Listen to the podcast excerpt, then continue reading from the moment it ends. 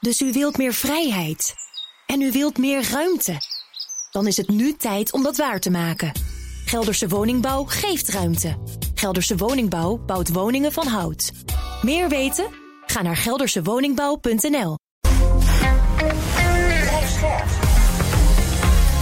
BNR Nieuwsradio.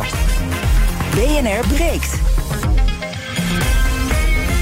Ivan Verrips. Goedemorgen en welkom bij BNR Breekt. Vanaf half twaalf praat ik over het nieuws van de dag. Over het corruptieschandaal binnen het Europees Parlement. En over doorwerken na je 65ste. Terwijl je ook van je oude dag zou kunnen genieten. Moeten we daar meer gebruik van gaan maken? In mijn panel vandaag Emma Verschuren, oprichter en eigenaar van Emma's Tax Law. Goedemorgen, fijn dat je er bent. goedemorgen. En een debutant, Cas Opdam, machine learning engineer bij Debt Agency. Goedemorgen. Goedemorgen. Fijn dat je er bent, welkom. Wat doet eh, Debt Agency? Debt Agency is van origine een marketingbedrijf, maar we doen nog steeds meer, nog veel meer. Mhm. Dus nu ook eh, in de data. En we doen heel veel operationele en marketing machine learning oplossingen. Oké, ja, ik zag inderdaad op jullie website snijpunt van tech en marketing. Dus daar komt het allemaal een beetje samen. Wat zijn je hobby's? Eh, ik ga heel veel naar indie-concerten. Dat vind ik Oh, echt leuk. onwijs leuk. En ik spaar ook heel veel OP's. Oh, wat goed. Eh, nou, we gaan jou vandaag eh en de komende tijd vast beter leren kennen. Ja, ik Yes. heb er zin in. We gaan beginnen met. BNR breekt. En Breekijzer. het breekijzer heeft te maken met het feit dat 1 op de 3 werkgevers personeel tegemoet komt vanwege de ja, gestegen kosten, koopkrachtverlies. Meldt AWVN, de werkgeversvereniging, op basis van onderzoek onder 170 bedrijven. En die hulp die kan op allerlei manieren. Sommige werkgevers die komen met extra financiële steun, een extraatje bovenop het salaris. Sommigen doen dat ook vaker dan één keer. Sommige ondernemers bieden budgetcoaches aan, hogere reiskostenvergoedingen of een leasefiets. Maar goed, 1 op de 3 doet dat dus. 2 op de 3 niet. Is dit het moment voor werkgevers om te laten zien hoeveel hun werknemers waard zijn? En kan dat op deze manier? Ons breekijzer vandaag is werkgevers die er nu geen geld bij geven, zijn asociaal. Wat vind jij? Pak je telefoon en bel naar 020 468 4 keer 0 Dus 020 468 4 keer 0 Dan kom je zo meteen eh, bij me in de uitzending. Je kan ook reageren via de stories van BNR Nieuwsradio op Instagram. Maar het leukste is even bellen. 020 468 4 keer 0 Zometeen hoor je mijn panelleden erover denken. Maar ik begin bij Kilian Wawoe. Hij is organisatiepsycholoog verbonden aan de Vrije Universiteit. Goedemorgen. Goedemorgen. Fijn dat je er bent. En ook bij ons is Joris Toonders, eigenaar van de drie internetbedrijven in Breda... die op een eh, toch wel originele manier zijn werknemers tegemoet is gekomen. Joris, goedemorgen. Goedemorgen. We beginnen even bij Kilian. Eh, onze breekijster. Werkgevers die er nu geen geld bij geven zijn asociaal. Wat vind jij? Nou, daar ben ik iets te genuanceerd voor om daar meteen ja of nee op te zeggen. Ehm, maar dat er iets met inflatie moet gebeuren, dat is duidelijk. Ja, eh, en wat kan je. Ja, wat, ja, het makkelijkste is natuurlijk geld erbij. Maar dan, ja. Is dat de, is dat de enige, echt de beste manier? Ja, dat is wel de beste manier. Alleen de vraag is hoe. Eh, en op het moment dat je bijvoorbeeld iedereen er een paar procent bij geeft, dan, eh, dan ga je de, de mensen die het meeste salaris hebben, dus ook het meeste geven. Terwijl die het het minst nodig hebben. Ja. Eh, dus je moet ook even heel goed nadenken. En hoop ik dat we daar dadelijk even de tijd voor hebben. Hoe je zoiets noemt. Of je het één keer per maand doet, één keer per jaar. En ook of het nou met centen of procenten moet zijn. Maar goed, misschien daarover zo meteen nog meer. Ja, oké. Laten we dat inderdaad zo even verder uitwerken. Wat dan de opties zijn. Eerst maar even een rondje in mijn panel. Emma, ons breekijzer. Werkgevers die er nu geen geld bij geven zijn asociaal. Nou, nee, want niet Oh. iedere werkgever is er ook toe in staat om dat te kunnen doen. En als jij nu je personeel meer eh, salaris gaat geven. en dat zorgt ervoor dat jij zelf nog verder in de financiële problemen komt. omdat jij zelf ook als werkgever last hebt van de inflatie. dan heeft je personeel zometeen helemaal geen baan meer. En ik denk dat je dan de problemen alleen nog maar verder eh, ja, hebt gemaakt eigenlijk. Ja, dus het is ook niet iets wat je kan eisen van je baas, denk jij? Nee, zeker niet. Maar misschien als je zegt dat het is redelijk... dan moet je baas misschien wel uitleggen waarom het hij het niet zou willen of kunnen. Ja, nou ja, weet je, je hebt natuurlijk altijd bazen die eh, zichzelf heel graag rijk rekenen. En die zelf al het geld in hun zak houden. Maar ja, en, eh, ja, ik denk dat er genoeg bazen zijn die wel gewoon eh, goed voor hun personeel willen zorgen. Ja. En die ook echt wel het gesprek aan willen gaan waarom er iets niet mogelijk is. En Ja. wat er misschien dan wel mogelijk is. Oké, eh, Cas, eh, hoe zit het bij Debt Agency? Eh, daar heb ik, ik heb er nog niks over gehoord bij Debt. Agency. Maar kan nog komen, de kerstdagen komen nog. Ja, hoe knows. ja. Misschien een klein eh, cadeautje onder de boom. Nee, ik zou zeggen tot op zekere hoogte van wel. Eh, Mhm. vooral als je een bedrijf bent die eh, eigenlijk niet zoveel last hebt van de energie en, eh, en de overige crisissen die we hebben gehad. Uh, ja, er zijn nog steeds recordwinsten, vooral bij techbedrijven en ook bij energiebedrijven laatst. Uh, dus dan zou ik het wel uh, ja, relevant vinden om een paar procentpunten erbij te geven. Ja, maar ook wel begrip voor bedrijven die het niet kunnen. Ja, en dan moet je het ook niet doen, want dan help je je hele bedrijf naar de vernieling. Zeker niemand dan. Ja, oké. Joris, jullie hebben een tamelijk originele manier bedacht. zo mogen jouw werknemers de hele maand december, deze maand dus, hun boodschappen bij jullie declareren. eerst maar even jouw reactie op onze stelling. Werkgevers die er nu geen geld bij geven zijn asociaal. Wat vind jij? Nou, ik denk dat eerlijk gezegd uh, iets of iemand als asociaal bestempelen uh, sowieso niet echt uh, bijdraagt zeg maar, aan, aan een oplossing.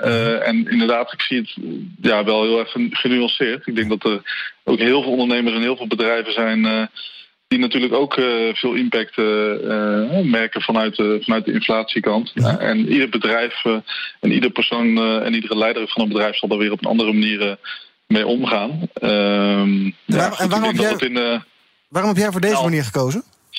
Nou, niet zozeer gedreven vanuit de inflatie. Ik, dat bruggetje wou ik maken. Ik denk dat het sowieso heel erg belangrijk is om, als je een bedrijf leidt, of, en ook heel leuk is en heel fijn is, om te zorgen dat mensen het lekker naar hun zin hebben en, en uh, een goed gevoel hebben bij alles wat daarbij hoort bij het werken bij een bedrijf. Hè. Of dat dan uh, de arbeidsvoorwaarden zijn, maar natuurlijk ook de sfeer, de vibe, de cultuur, het, het totaalplaatje.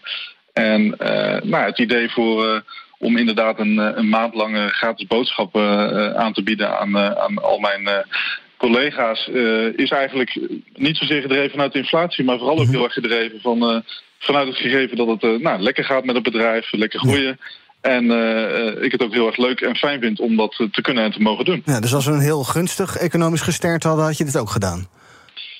Uh, ja, ik, uh, laat ik zo zeggen, het is niet direct vanuit die, dat denk ik eerlijk gezegd wel, het is ja. niet vanuit die, vanuit die hoedanigheid ontstaan. Nee. Ja. En, wa en, waarom kies je dan voor, voor deze manier? Want je zou kunnen zeggen, uh, nou ja, in dit geval is het dus boodschappen... maar je zou kunnen doen, uh, weet ik veel, ga een maand uh, kleding kopen... of, of geef er inderdaad gewoon een paar honderd euro bij. Denk, ja. Dan bereken je even wat mensen gemiddeld uitgeven... bij de, bij de Albert Heijn of de Jumbo per maand. Ja, dan ben je er ook. Ja.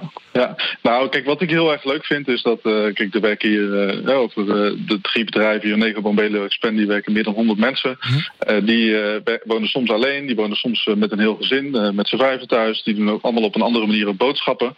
En uh, mij leek het een heel leuk idee om eigenlijk iedereen de gelegenheid te geven om uh, gewoon de hele maand december eigenlijk gratis boodschappen te doen. De bonnetjes te verzamelen bij de bakker, de supermarkt of de slager. En die in een envelop te doen. En dat ook te combineren uh, met het gegeven dat daar geen limiet aan gesteld wordt. Ja. nou, juist omdat ik ook al mijn collega's vertrouw. Ja. En uh, los van het feit dat het natuurlijk uh, nou, financieel uh, fijn en leuk is, hoop ik ook dat mijn collega's er ook gewoon heel de maand ja, ook letterlijk uh, plezier van hebben. Het is ja. ook leuk om op die manier natuurlijk naar de supermarkt of de slager of de bakker te gaan. Ja, Kilian, het verhaal van Joris hoort, dat is niet per se een soort van inflatiecorrectie, maar wel nou ja, een geste naar je personeel. Is dat, is dat verstandig dat je er ook een beetje, nou ik zeg maar even een soort, uh, bijna een soort, soort, soort uh, gamification-achtig verhaal van maakt met een envelop en een heel verhaal erbij? Ja, als cadeautje is het heel leuk. als oplossing is het natuurlijk niet. stel je voor dat je gewoon structureel te weinig geld hebt om rond te komen. Dan heb je dus één maand de, daar wat minder last van. En in januari dan um, heb je er weer wel last van. Dus een oplossing voor het probleem waar we denk ik over moeten hebben... namelijk dat er heel veel mensen zijn die werken... en niet meer in hun levensonderhoud kunnen voorzien zoals ze dat zouden willen... en zoals ze dat vroeger konden, mm -hmm. daar is dit natuurlijk geen oplossing voor. Nee, maar dan is eigenlijk de enige oplossing structureel geld erbij. Toch? Of ga je nog wel meer? Uh, dat kan. Um, de vraag is alleen, en dan wordt het een beetje complex of het structureel moet worden. De gasprijs is bijvoorbeeld vandaag weer gedaald. Nou wie weet, laten we het hopen, is die oorlog morgen voorbij.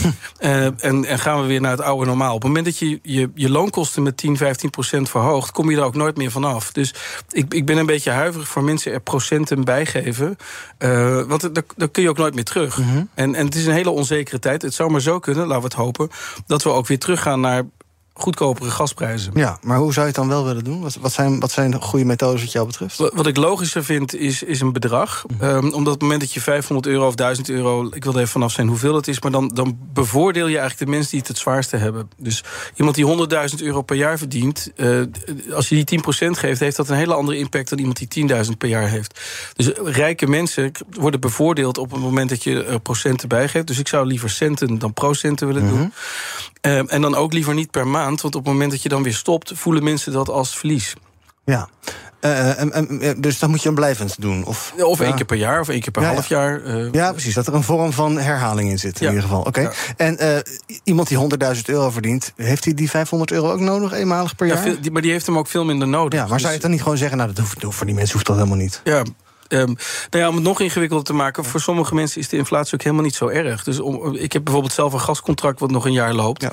eh, en een goed geïsoleerd huis. Ik heb op dit moment nergens last van. Geef hem alsjeblieft aan iemand anders. Ja. Ehm, en en dat, ik merk dat die discussie helemaal niet gevoerd wordt. Dat alsof iedereen nu evenveel last heeft van inflatie. Er zijn ook mensen die hebben er wel van, gaan voor 25% achteruit. Ja. Omdat ze een slecht geïsoleerd huis hebben en vijf kinderen. Dus het, het is nogal eh, persoonsafhankelijk. Ehm, en in die discussie wil je liever niet terechtkomen. Dus ik zou zeggen één bedrag voor, eh, voor, de hele, voor alle medewerkers. Kassenzee heeft geprobeerd te verplaatsen in een werkgever. Ga je dan alleen ga je iedereen helpen met een, bijvoorbeeld een fixed bedrag? Of ga je alleen mensen helpen die het eh, nodig hebben? Maar ja, hoe doe je dat dan? Ehm, ik zou wel een, een fix bedrag geven. Want je weet inderdaad, ik, ik sluit me hier wel bij aan. Je weet eigenlijk niet hoe de persoonlijke situatie is van iedereen. Je kan niet met iedereen rekening houden. En dan, ja, dan kan je eigenlijk iedereen het beste gewoon hetzelfde geven. In plaats van dat je helemaal specifiek een boodschapper gaat ver- eh, ja, bekostigen, et cetera. Eh, dus ja, ik zou voor, voor een fix bedrag gaan. Ja, en dan voor iedereen of alleen voor mensen die, eh, die aangeven van nou, ik, ik trek het niet meer of ik heb het erg moeilijk? Of, of is dan dat, wordt, wordt het dan ook ongemakkelijk en Dan wordt onhandig? het en- ongemakkelijk. Dan ja? zou ik zeggen, gelijke monniken, gelijke kappen. Geef dan iedereen gewoon een fix bedrag. Ja, maar dat is eigenlijk ook precies de, kri- de kritiek die we nu heel erg op de politiek hebben. Van we geven eigenlijk veel te veel geld weg, ook aan allerlei mensen die het niet nodig hebben. Ja, dan moet je hier misschien toch ook maatwerk in gaan bieden. Ja, maar ik denk dat met de uitvoer wordt dat heel moeilijk. Misschien kan je dan beter het anders aanpakken door te zeggen: hey, eh, als, je niet, als je dit niet nodig hebt, doneer dan het bedrag aan een stichting, et cetera. Ja, zoiets. Ja, dat is ook een beetje die oproep die je nu ziet met die 190 euro energietoeslag. Er zijn ook allerlei, allerlei systemen waarmee je dat kan doneren aan iets of iemand. Emma, eh, nu ik toch even denk, Emma's taxlaw. Eh belastingtechnisch kan het zomaar je personeel er 500 euro bij geven? Of kan je daar ook gruwelijk in de problemen komen? Als je dat als ontvanger zijn misschien ervan. Nou ja, je moet het wel aangeven bij de Belastingdienst natuurlijk. Maar daar, Het is gewoon inkomen. Ja, Ja. ja. dus het wordt gewoon bij je inkomen ook opgeteld. En op het moment dat jij een bonus, vaak wordt, dat dan, dit, wordt dit onder de bonussen geschaard, dan wordt het belast tegen het hoogste tarief. Dus dan gaat er wel ongeveer 50% van af. Dus Mhm. die 500 euro is dan 250 euro. Dus dat is niet per se heel veel. Nee. ehm, wat je er dan nog van overhoudt als het op die manier. eh, uitgekeerd wordt. Het voordeel wel van die bonnetjes van de supermarkt bijvoorbeeld is... is dat dat onder de eh, werkkostenregeling valt.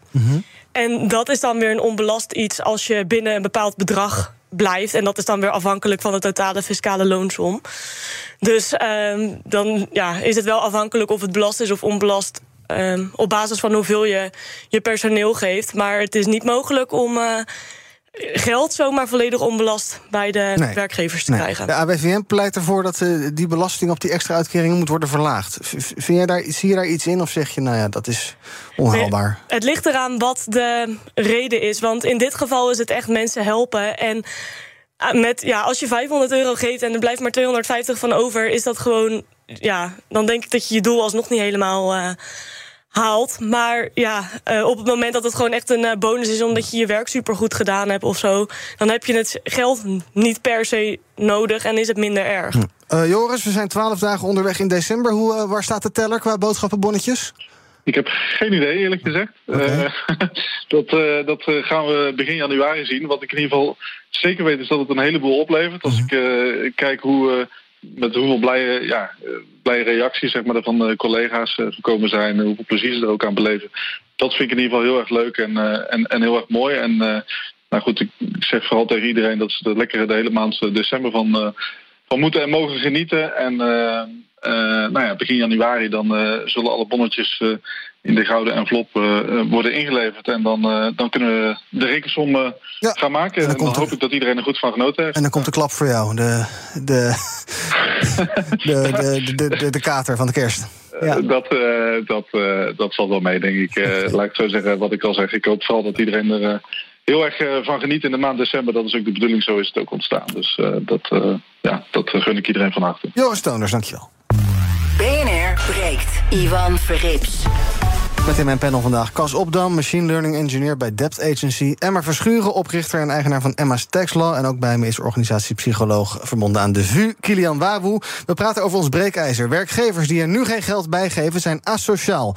Wil je meepraten? 020 468 4 keer 0 Ik eh, heb heel lang geen bellers aan het woord geloof ik. Ik ga het eh, snel doen. Ehm, Ruben, goedemorgen. Ja, uh, ik ben wel mee uh, dat het gewoon asociaal is.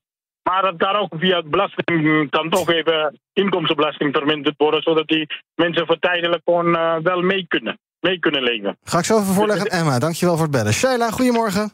Ja, goedemorgen. Hallo, zeg het maar. De grootste werkgever die asociaal is, de overheid zelf. Want Ghana, ik, ik begrijp het niet. De wetten worden gemaakt. En niet nageleefd. Zogenaamd wordt men voor de gek gehouden. Vooral de mensen die gekort worden jarenlang. Ja. Wordt beloofd. Ja, wordt, je gat wordt wel eh, aangevuld. 0,0. Iedere keer dan hoor je weer een ander verhaal. En dan bedoelt u, Zo gaat het maar door bij iedereen. bedoelt u dan pensioenen of uitkeringen? Die, die lijst niet korter maken, die, die steentrekkers. Dat ze aan het werk kunnen. Ja, en bedoelt u En de dan, mensen die werken worden al onderbetaald. ja, bedoelt u dan pensioenen of uitkeringen waar het, op, waar het op nul blijft staan? Of waar zit uw probleem? Pensioen en ook die uitkering. Ja. Alles, alles is, is te weinig. Ja, dus moet meer van de overheid die gekort wordt. Ja. Ik ga zo meteen even onrechtig. praten met meneer Waboe over eh, wat de rol van de overheid hierin moet zijn. Dank Shaila voor het bellen. Jan, goedemorgen. Goedemorgen, Iwan. Nou, ik ben het eens eh, met de stelling. En wel omdat, eh, en dat is een item wat ik nog niet heb gehoord in het eh, eerdere gesprek al over dit onderwerp. De werkgevers die hebben de afgelopen twintig jaar in heel veel sectoren salarissen eigenlijk niet of nauwelijks verhoogd. Terwijl mensen toch eh, nog steeds hetzelfde werk zijn blijven doen, allerlei taken erbij hebben gekregen onder het mom van het is druk. Mhm. Eh, er wordt wel een keer tijd dat het een keertje betaald wordt. En ja, nu kan iedereen zich wel verschuilen achter ja, corona-steun, we hebben het moeilijk en eh, we hebben eh, extra kosten met energie. Ja, die heb ik als werknemer ook. Ja. Ehm, kom maar eens een keer met een salarisverhoging, minimumlonen ook omhoog. Dank Jan voor het bellen. Tot slot meneer Sinak. Goedemorgen. Nee, goedemorgen. Ik ben het eens met de stelling. Mhm. Waarom? Maar geen eh, verhoging gehad van lonen. Eh, tijdens de corona is bijvoorbeeld bij mijn vorige werkgever hebben ze zonder het te vragen gewoon vakantiegeld ingehouden, eh et cetera, omdat het dan nodig was. En nu dat het echt druk is, zeg maar, bij de mensen die het bedrijf draaiend houden, dus de mensen op de vloer en buiten, dan wordt er gewoon een beetje met de pet naar gegooid en gezegd ja, het kan niet. Terwijl er afgelopen jaren gewoon miljoenen winsten zijn gedraaid. Dus ja, het is best schofterig inderdaad. Dank voor het bellen. Uh, Kilian, eh, een paar dingen die we gehoord hebben van de bellers. Eén, eh, de rol van de overheid, van Sheila. Eh, ja, moet dit eigenlijk allemaal van, eh, van werkgevers komen? Of kan ook een deel van die, van die overheid komen? Wat, wat vind jij? Nou, het, het zou fijn zijn als er een, een belastingmaatregel zou zijn, zodat je echt kan nadenken wie er nou het meeste steun nodig heeft. Want nu ben je gewoon afhankelijk van je werkgever. En dat, dat leidt tot heel veel ongelijkheid ook in de samenleving. En dat, dat de, de zwakste schouders dragen nu de zwaarste lasten. Dat is waar. Alleen we moeten wel met z'n allen gaan afvragen. Al die maatregelen kosten geld. En ja. Ik weet niet hoe jullie dat beleven, maar de afgelopen drie jaar wordt er met geld gesmeten op een, op een manier die, die ik nog nooit heb meegemaakt. En die, moet ook een keer terugbetaald worden. Ja. Dus uh, daar moeten we met z'n allen ook een keer over gaan nadenken. Want, want als het woord bezuinigen valt, dan zit iedereen ook op de kast. Ja. Maar geld wat je uitgeeft, moet je ook een keer terugverdienen. Ja, we zitten in een soort compensatiesamenleving waarbij Ja. elke tegenvaller gecompenseerd moet worden, het liefst door de overheid. Dus misschien, Emma, moet je ook een keer eh, slecht nieuws gaan verkopen en zeggen: Nou ja, we moeten inderdaad allemaal een beetje gaan inleveren. Eh, bedrijven die eh, zijn lekker geld aan het verdienen, relatief gezien. Er gaat een groot deel van het nationaal inkomen steeds meer ook naar de aandeelhouders en wat minder naar ons. Ja, het is nou helemaal zo. Ja, nou ja, sowieso. eh, als je naar de berichtgeving zeg maar, over de coronaschulden gaat kijken van de overheid, geloof ik dat de kleinkinderen van, eh, van de kinderen die nu nog niet geboren zijn. Ja. Zoiets heb ik gelezen. Dus dat zouden de, mijn, de kleinkinderen van mijn kinderen worden, want mijn kinderen bestaan nog niet.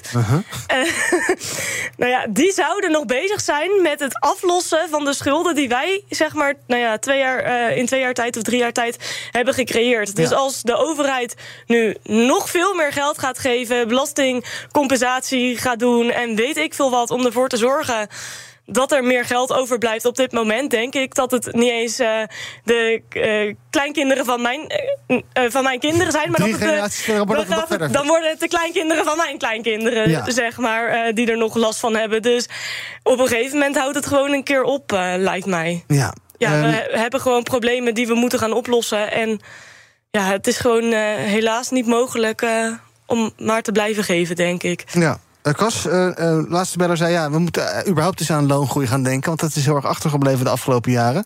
Is dat ook jouw indruk, dat er veel meer op... Hè, zeg maar even als collectief, niet per se jou persoonlijk... maar meer dat er veel meer op ons bordje is komen liggen... en uh, dat, dat de lonen een beetje achtergebleven zijn?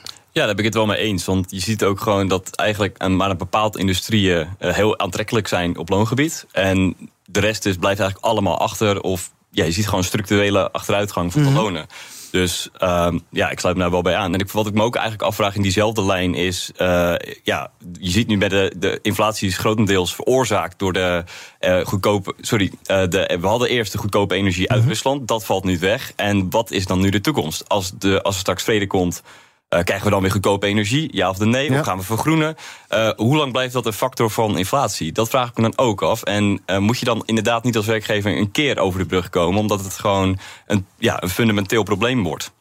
Kilian, hoe ga je in dit soort vraagstukken om met, eh, met bijvoorbeeld freelancers en ZZP'ers? Ik geloof dat heel veel werkgevers wel iets doen, maar die doen het dan voor hun werknemers. Ja. je hebt ook allerlei, wat dan misschien formeel externe inhuur is, maar dat zijn ook gewoon mensen met gezinnen. Ja. Dat zijn vaak eenpitters. Ja, eh, moet je die ook meenemen in dit soort regelingen?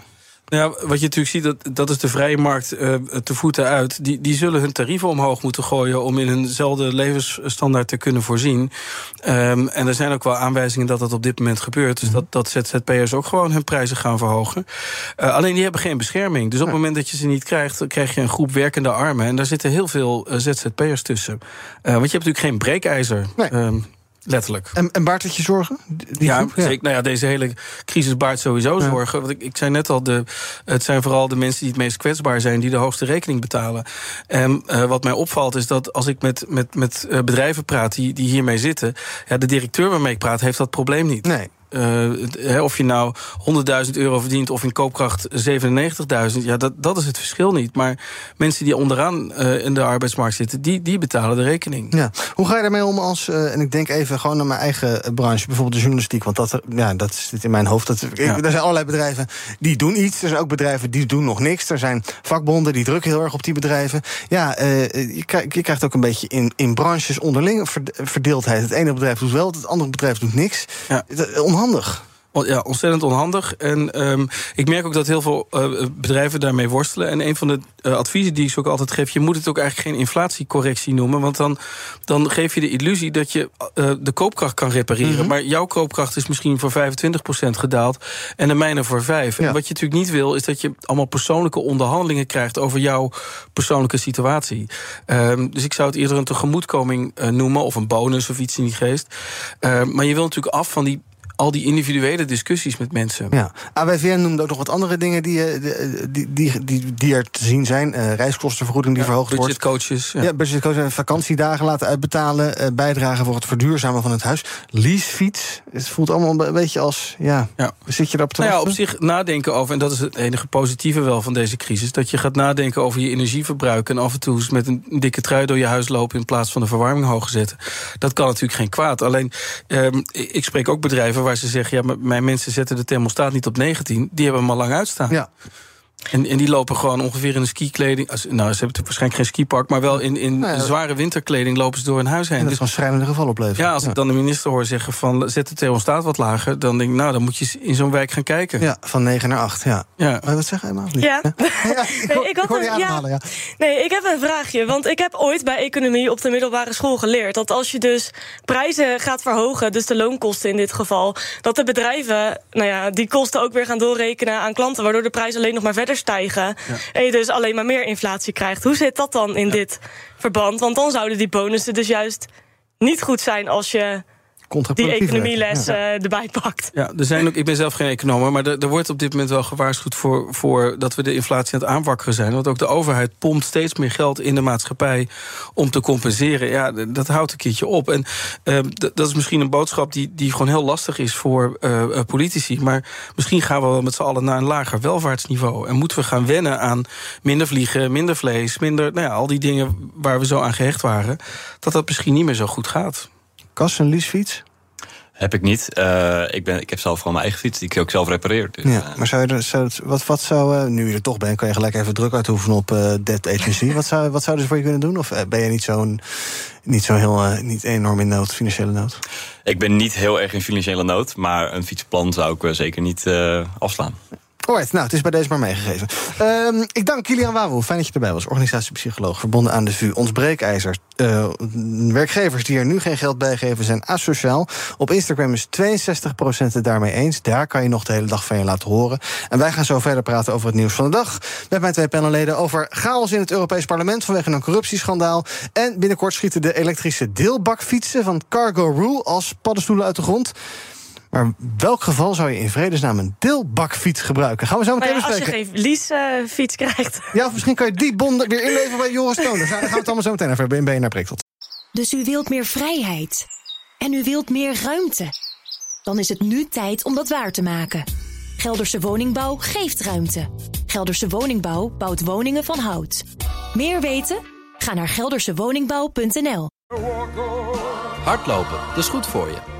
En Nationale Nederlanden helpt je daar graag bij. Bijvoorbeeld met onze digitale NN Running Coach... die antwoord geeft op al je hardloopvragen.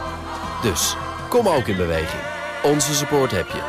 Kijk op nn.nl slash hardlopen.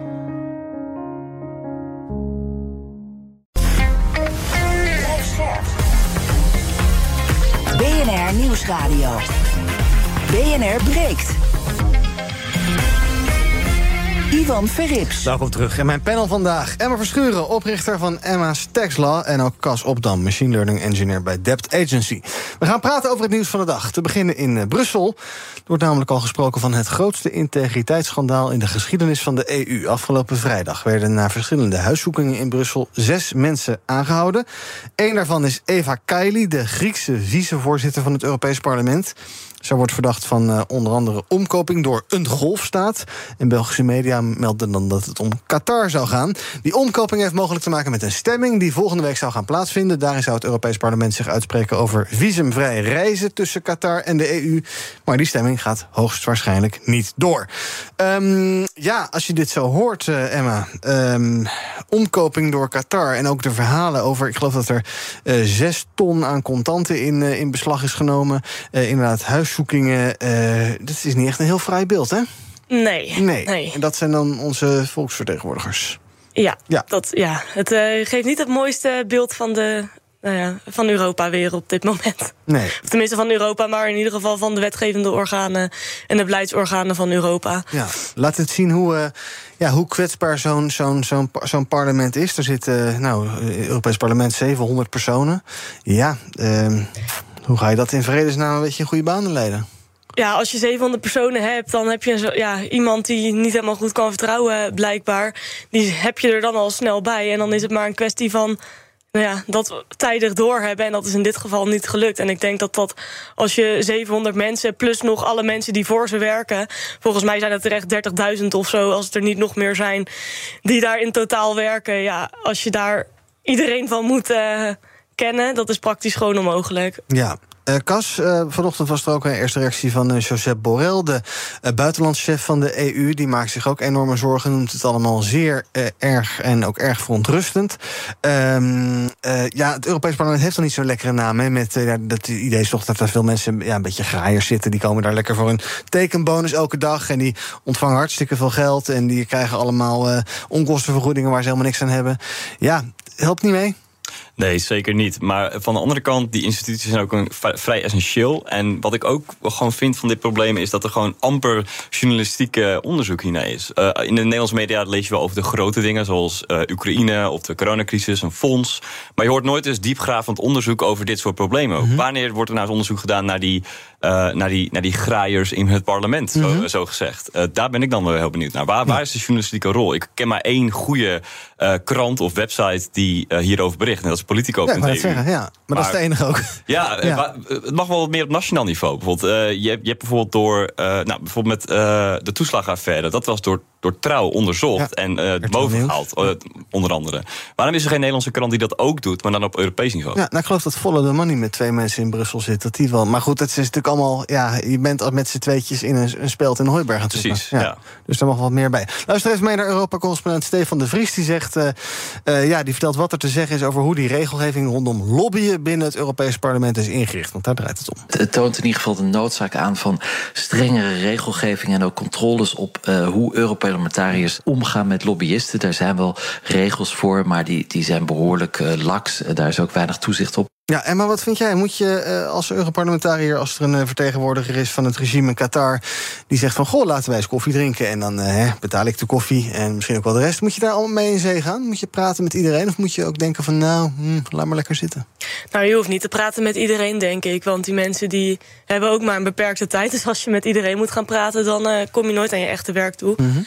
Maar in dit soort gevallen denk ik wel dat je misschien een beetje behoedzaam moet zijn. Want dit soort landen zoals Qatar, ja, niet om heel lullig te zijn, maar die zijn daar wel iets meer toe in staat, denk ik, dan nee, bijvoorbeeld Amerika, waar je mee een kopje koffie gaat uh, mm -hmm. drinken. Dus misschien is het in dat soort gevallen waar er meer risico is, misschien dan verstandig om niet één op één koffie te gaan drinken, maar dat er nog even een andere Europarlementariër bij zit, zodat er ja, controle iets op zit. Alleen dan moet je hopen dat diegene niet corrupt is. Ja. Anders heb je een ander probleem. Dan heb je twee corrupte mensen bij elkaar. Ja. Maar ja, iets van controle lijkt me niet verkeerd in dat geval. Ja. Kan je dit Qatar ook kwalijk nemen? Of eh, kan je eigenlijk nee, dat is toch slim? Als, als het werkt wel, ja. ja nou ja, de vraag is, werkt het nu? Er zou gestemd worden volgende week over het visumvrij reizen. Nee, dat gaat even niet door. Nee, nou ja, dan hebben ze pech. Ja, en dan hebben ze het helemaal verkloot voor zichzelf. Ehm, want het gaat nu niet nog een keer gebeuren dat dat eh, visumvrij reizen er op korte termijn in ieder geval doorheen komt. Dus zij hebben hun eh, eigen ruiten op dit moment dan wel ingegooid. Maar als het niet ontdekt was, dan hadden ze wel die stemming gehad en was het erdoor. En hadden zij dat er nou ja, op een sluwe wijze doorheen gekregen. Ja, was een goedkoop eh, de boel beïnvloed inderdaad. Cas, moet er nu een soort... Ja, wat, wat moet er nu gebeuren? Moet er een soort onafhankelijk orgaan komen... dat hier toezicht op houdt? Of ja, dat ook straffen kan opleggen? Of lobbyregisters? Of is het allemaal... Of is dit vooral journalistiek waar jij heel erg... eh, Nou, ik denk sowieso journalistiek, Ja. maar ik ben het ook wel met je eens met eh, qua lobbyregister. Eh, dat hebben we dus in Nederland. Daar is veel over te doen geweest. Bijvoorbeeld met, in het verleden met Alexander Pechtold. Waarom hebben we dat niet op Europees niveau? Ik, eh, dat het mis- is er wel, las Het is er ik. wel. Het is er wel, maar het wordt niet bijgehouden. Oh ja, ja, dat is heel handig. Ja. Dan zeg ik, betere naleving van het lobbyregister. Ja, en het moet ook, alleen er zijn geen sancties op het moment dat het niet gedaan wordt. En heel veel doen het dus ook niet. Niet. Dus er is niks geregistreerd. Er zijn best wel eh, slagen te slaan waarschijnlijk. Sowieso, ja. Oké, laten we over iets anders praten vandaag in de Tweede Kamer. Steeds meer mensen werken na hun 65ste nog door. En daarom is er een ronde tafelgesprek in de Tweede Kamer... over werken na het pensioen van de Nederlanders van 65 jaar of ouder. Werkte vorig jaar namelijk nog ruim 40% door, best veel. En ook in vergelijking, want in 2015 was dat eh, nog de helft... en aan het begin van deze eeuw was dat nog geen 10% Dus 20 en 10% Ik heb even zitten kijken voor de grap eh, bij mijn eigen AOW-leeftijd. Als je nu kijkt... 69 jaar en 6 maanden. Ik kan vanaf Oei. 8 januari 2061 AOW krijgen.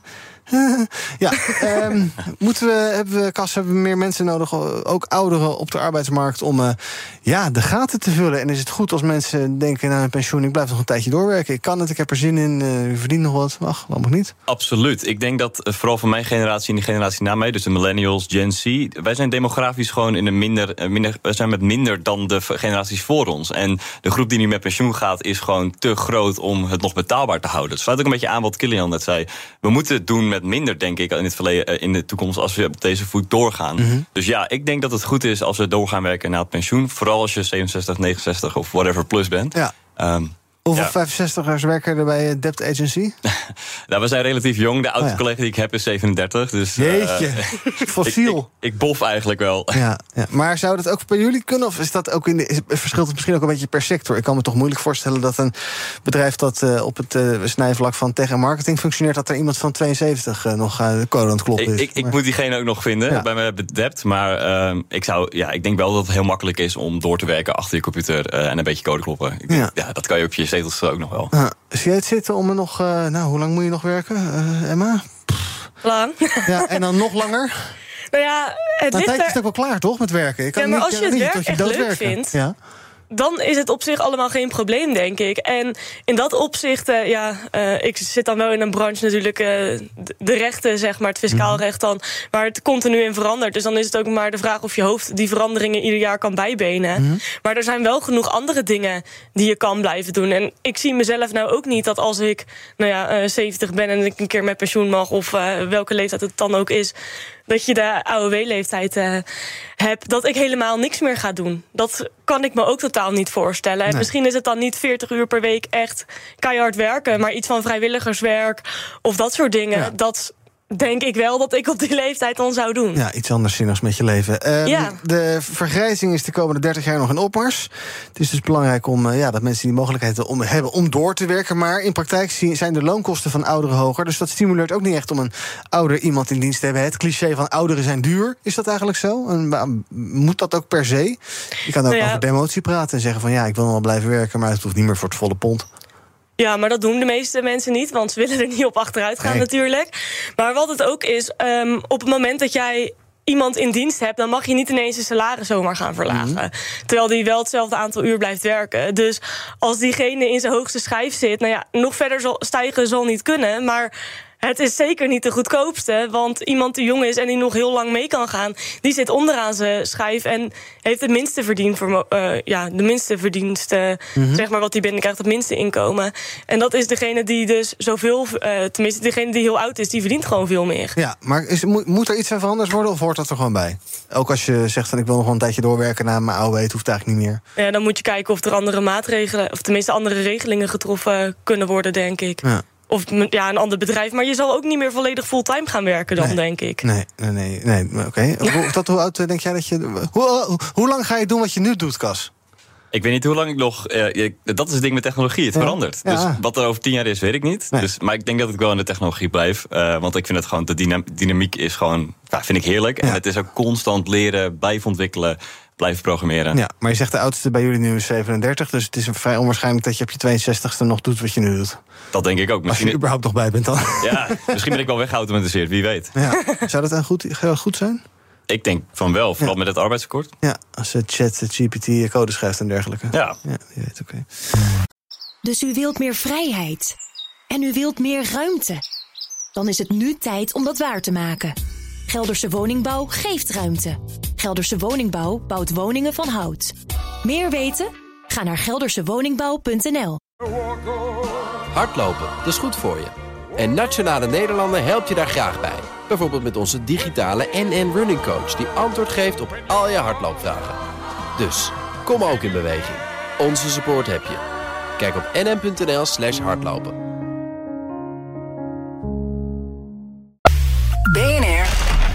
Breekt. In mijn panel vandaag Emma Verschuren van Emma Stexla en Cas Opdam, Machine Learning Engineer bij Debt Agency. We gaan praten over het nieuws van de dag, althans wat jullie nieuws van de dag is. En Emma, jij wilde praten over zwartspaarders. Want ehm, er was het verhaal, ja, de Belastingdienst kan er niet zoveel tegen nu. Ehm, maar dat is toch wel zo, vertel. Ja, het, eh, nou ja, ehm, om even bij het begin te Waar moet je beginnen. Even bij het begin, dat is denk ik het makkelijkste om het hele verhaal compleet te halen. Tenminste, compleet te houden.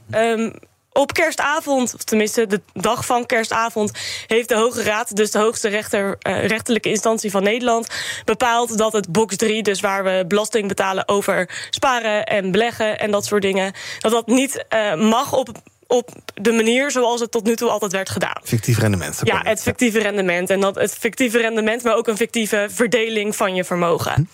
Dus, nou ja, toen werd er. eh, nou ja, moest er bepaald worden van hoe gaan we het dan wel doen. Nou ja, daar zijn ze nou ja, nu nog steeds moeilijk eh, en allemaal mee bezig. Dat, eh, nou ja, hele lange discussies en weet ik veel wat. Maar eh, toen was het Financieel Dagblad, als ik het goed zeg, er vorige week of twee weken geleden meegekomen. Nou, dat is helemaal mooi, want als jij nu nog geld hebt in het buitenland. ehm, dan zou ik dat nu opgeven, want de Belastingdienst mag geen boetes ehm, ja, incasseren daarover.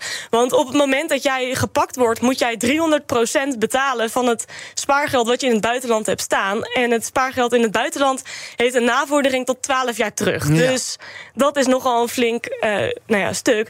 Alleen de Belastingdienst was het daar vanaf het moment één natuurlijk niet mee eens. Nou heeft het Financieel Dagblad er ook nooit rekening mee gehouden dat je zowel ehm, ja, via boetes mensen kan bestraffen als via het strafrecht. Want een foute aangifte indienen is gewoon valsheid in geschriften. En daar staat een gevangenisstraf op van maximaal zes jaar. Nou, uiteindelijk ehm, gaat het OM daar bijna nooit mee akkoord. Omdat die wel grotere boeven te vangen hebben dan eh, mensen die een beetje belastingfraude plegen. Maar dat was altijd een mogelijkheid die gewoon open staat. En dan kan je dus niet heel veel geld innen. Maar dan kan je wel iemand alsnog achter slot en grendel eh, de maatschappij uitwerken om je. Nou ja, standpunt te maken dat iedereen belasting moet betalen. Ja, ja, de maatschappij uitwerken.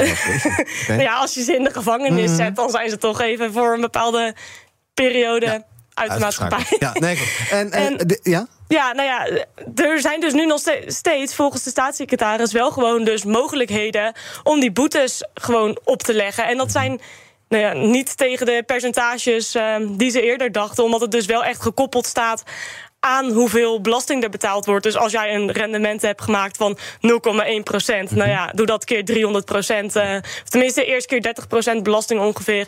En dan keer 300 procent. Dan is het bedrag wat je moet betalen als boete niet echt nou ja, waar je van schrikt.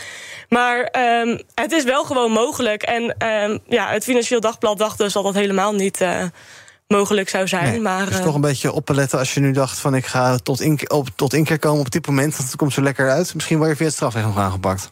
Ja dat, zou, Ja. ja. dat zou zeker kunnen, inderdaad. Maar ook al zou je niet via het strafrecht aangepakt worden, kan je alsnog een boete opgelegd krijgen. Hm. En niet zoals het Financieel Dagblad zegt, je krijgt helemaal geen boete. En eh, nou ja, omdat het dus nu aan dat da- daadwerkelijke rendement gekoppeld zit en zo alle- allemaal, is de staatssecretaris nu wel bezig met nieuwe wetgeving om ervoor te zorgen dat eh, als er weer zoiets gebeurt, dat er amper ehm, rendement gemaakt wordt op dingen, dat er dan wel overgeheven kan worden. Maar als we nu bijvoorbeeld ook naar crypto gaan kijken, crypto staat, als het goed is, ook op buitenlandse rekeningen. Dat is nog allemaal vaag, Ja. omdat er, nou ja, de Hoge Raad moet daar eerst uitspraak over doen of het echt buitenlands vermogen is.